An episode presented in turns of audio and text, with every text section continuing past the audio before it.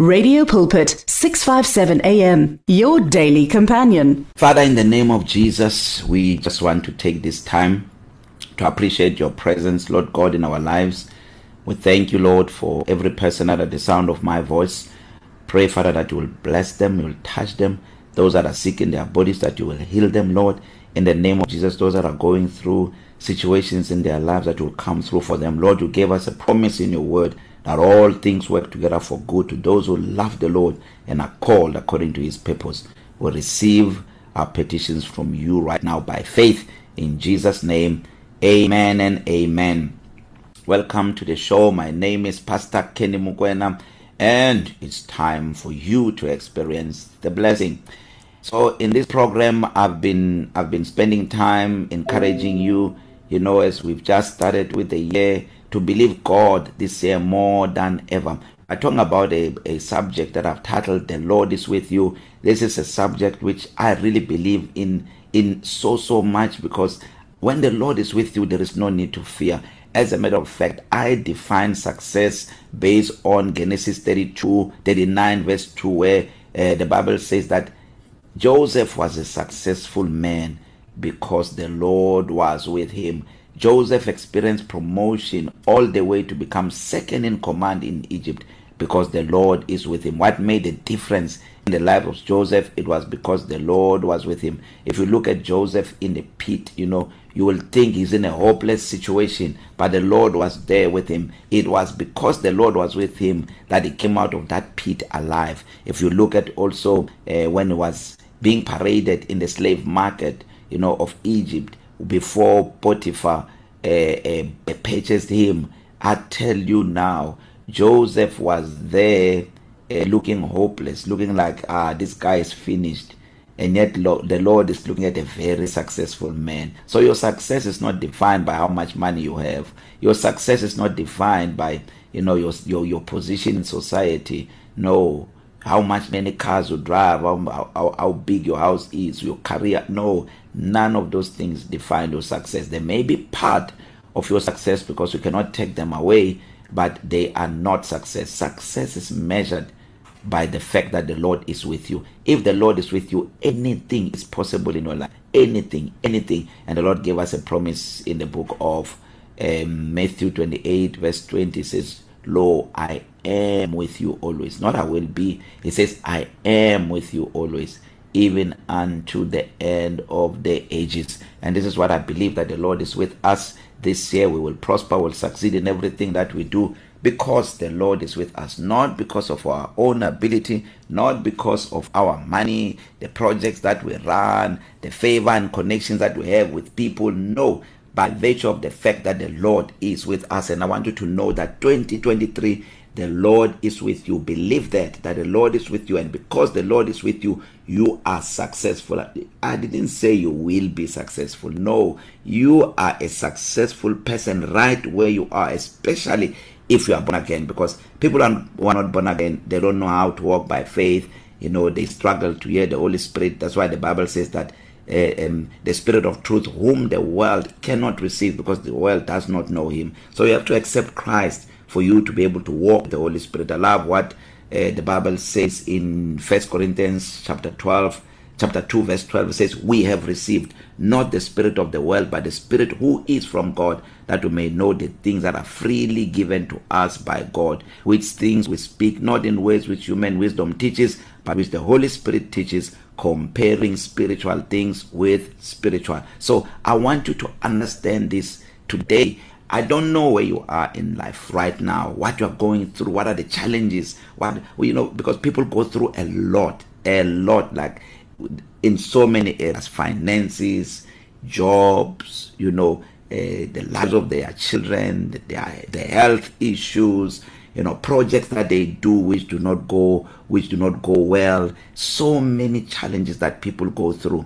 But listen to me. I'm giving you a promise. Jesus said I will never leave you nor forsake you. Go and look at Hebrews chapter chapter 5 verse 13 verse, chapter 13 verse 5 and 6 and see what the Bible says there. We boldly declare this that the Lord is with us with confidence believing that listen the bible says that in the presence of the Lord is fullness of joy. At his right hand are pleasures forevermore. This is psalm 16 and this is what i prophesy and i declare that this year you will experience the pleasures of God's presence. You will experience you know his favor his grace his riches his wealth riches and honor shall be in your house this this year. In the name of Jesus Christ I declare you are day loaded daily with benefits irrespective of what you see right now. Do not measure God based on the circumstances that you are going through and the things that you see in your life. Believe that the Lord is with you right now. That situation is meant to bring glory to the Lord in your life right now. So I want to pick up this from verse 11 because we've already dealt with the other verses uh, we're talking about this is the story of Lazarus. When Lazarus died and uh, uh, the Bible tells us that when Jesus heard that Lazarus had died he stayed two more days where he was. And he did that so that the situation can be so complicated. Because the more complicated the situation is the more glorious you know the the the the the, the miraculous act of the Lord becomes you know. So he stayed there so that body of Lazarus begin to decay because he knew he was going to go there. And when Lazarus is raised from the dead his skin would be restored. You know to be fresher than that of a child. Because when God restores it does not restore just what you lost. He restores it in a better measure in a better condition in a actually better is not even it in a best condition ever. So I I I want us to look at verse 11 here because I touched a little bit on on on on this in the previous um, uh, program. It says these things he said and after that he said to them our friend Lazarus sleeps. But I go that I may wake him up. And I want to just look at the mentality of the master.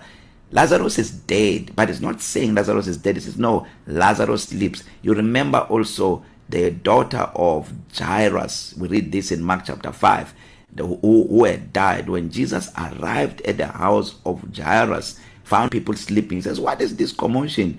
This little girl is not dead. She sleeps. And the bible says the people began to mock him because to them she was dead. But Jesus sees every situation that we go through as not unto death because our faith can make a difference.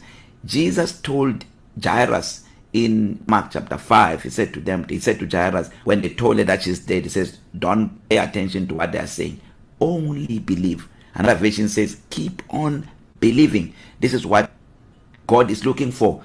If you want to see the demonstration of the glory of God if we want to see the miraculous in your life in a large measure measure believe God. Believe God. What will separate you right now between what you have and what you would want to have and what God can do in your life is your faith. So Jesus see that situation as temporary and this is what the Bible also tell us. I think we'll find this in 2 Corinthians chapter 4 uh, Bible says that our light affliction which is but for a moment. So he says the affliction is light and it is for a moment. He says it is working for us a far more exceeding weight of glory.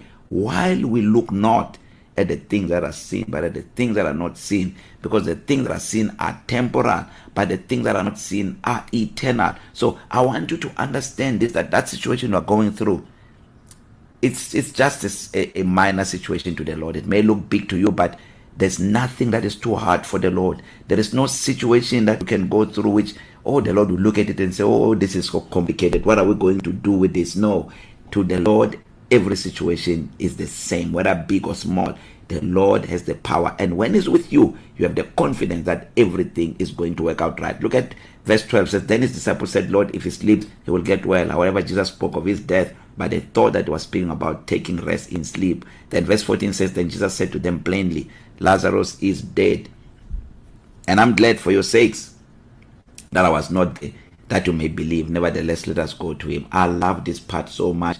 We spoke about this in the previous uh, program that Jesus says I'm glad that I was not there. The reason why is glad that there was not there so, so that Lazarus could die. And then he stays two more days to make the situation complicated. So they go to Lazarus tomb who has been dead for 4 days to raise him from the dead so that his disciples may believe and also those who were there may believe. Then i want to i want to take you into a conversation now that Martha had with Jesus and point you some very interesting things that I want you to pay attention to because it's important for you to understand. When I talk about the fact that the Lord is with you understand the character of this Lord that is with you. Understand his integrity. Understand who is his credentials. Understand his power. Understand his grace his goodness what he can do you know flowing from what he has done on the cross. Then verse 20 says then Martha as soon as she heard that Jesus was coming went and met him but Mary was sitting in the house. Now Martha said to Jesus Lord if you had been here my brother would not have died this is very interesting because when you look at um, what Jesus said in verse 15 Jesus said I'm glad for your sakes that I was not there that you may believe. He does not mention that Lazarus would not have died. We read this in there because that's what it could only be meaning. It says I was glad I was for your sakes for your sakes not for the sake of Lazarus who was dead. No for your sakes I'm glad I was not there so that you may you may believe. But when we look at um a um verse this part where Martha is now speaking confirming the same thing that Jesus said. In verse 21 she says lord if you had been here my brother would not have died. And i want you to believe that the lord is with you. This year nothing will die around you. Believe it. Believe it my brother that nothing will die. Nothing will fail around you. Look death is it's i mean it's, death is the last. Is a maximum. I mean when when you're running a, a business and and the business is struggling uh, uh, it's one thing for it to struggle. It's another thing for it to die. It means when it's dead it closed shop bank accounts closed. CPIC you know uh, uh, the the the the the the the, the, the, the uh, company um uh, office writes it off like it's dead a, a certificate is issued that that business is closed that's death so here Martha is saying Lord if you had been here my brother would not have died and I want you to know this that don't just look at death no where death starts because Lazarus was sick first. He first heard that Lazarus was sick. In an, in the business language a, a the sickness of a of the of a human being it is the struggle where profit is not happening in a in a business setup. Now now i want you and i to believe this year that because the lord is with us our businesses will not struggle. Our careers our callings our ministries will not struggle will not experience sickness we're not thinking death here because by the time someone dies you know you find out that person has been sick has gone through so much pain and loss and so on. We will not get there because the lord is with us. This is martha. First it was the lord who said if i was there i'm glad i was not there. Implying that if he was there lazarus would not have died and he would not perform a miracle. Now martha says lord if you had been here my brother would not have died. She's agreeing with what the lord said to his disciples. She was not even there. But she knew that if the Lord was here his, a brother would not have died. And I love what she says in verse 2 she says but even now even now I know that whatever you ask of God God will give you. So here there is a I only appreciate the first part here even now even now. Because even you where you are right now whatever you are going through let me tell you if you carry this consciousness that the Lord is with you you can see that situation change.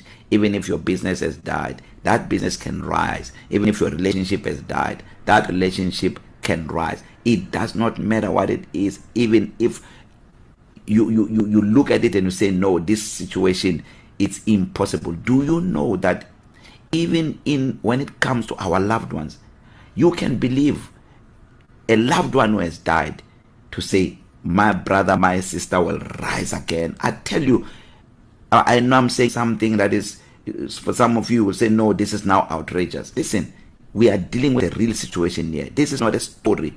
This is not a story. You know um, in the next episode i'll tell you about um a, a man a, a, called Ida Hosa from from from from Nigeria who went to the streets looking for someone looking for someone who had died so that they can raise them from the dead. This is faith in another level and God is looking for faith right now. I do not want us to go to the level of of of of death. I want us to prevent even sickness. Because when the Lord is with you and you carry that consciousness and you practice his presence you tell yourself that the Lord is with me. I promise you you will not experience what other people experience. You will experience God in a new way. You will experience his glory because God is up to something big at this time that we are living in. I'm running I've run out of time. I want to pray for you. If you're not born again you've not made Jesus the Lord of your life just make this prayer with me. Say Lord Jesus I receive you now as my Lord and my savior.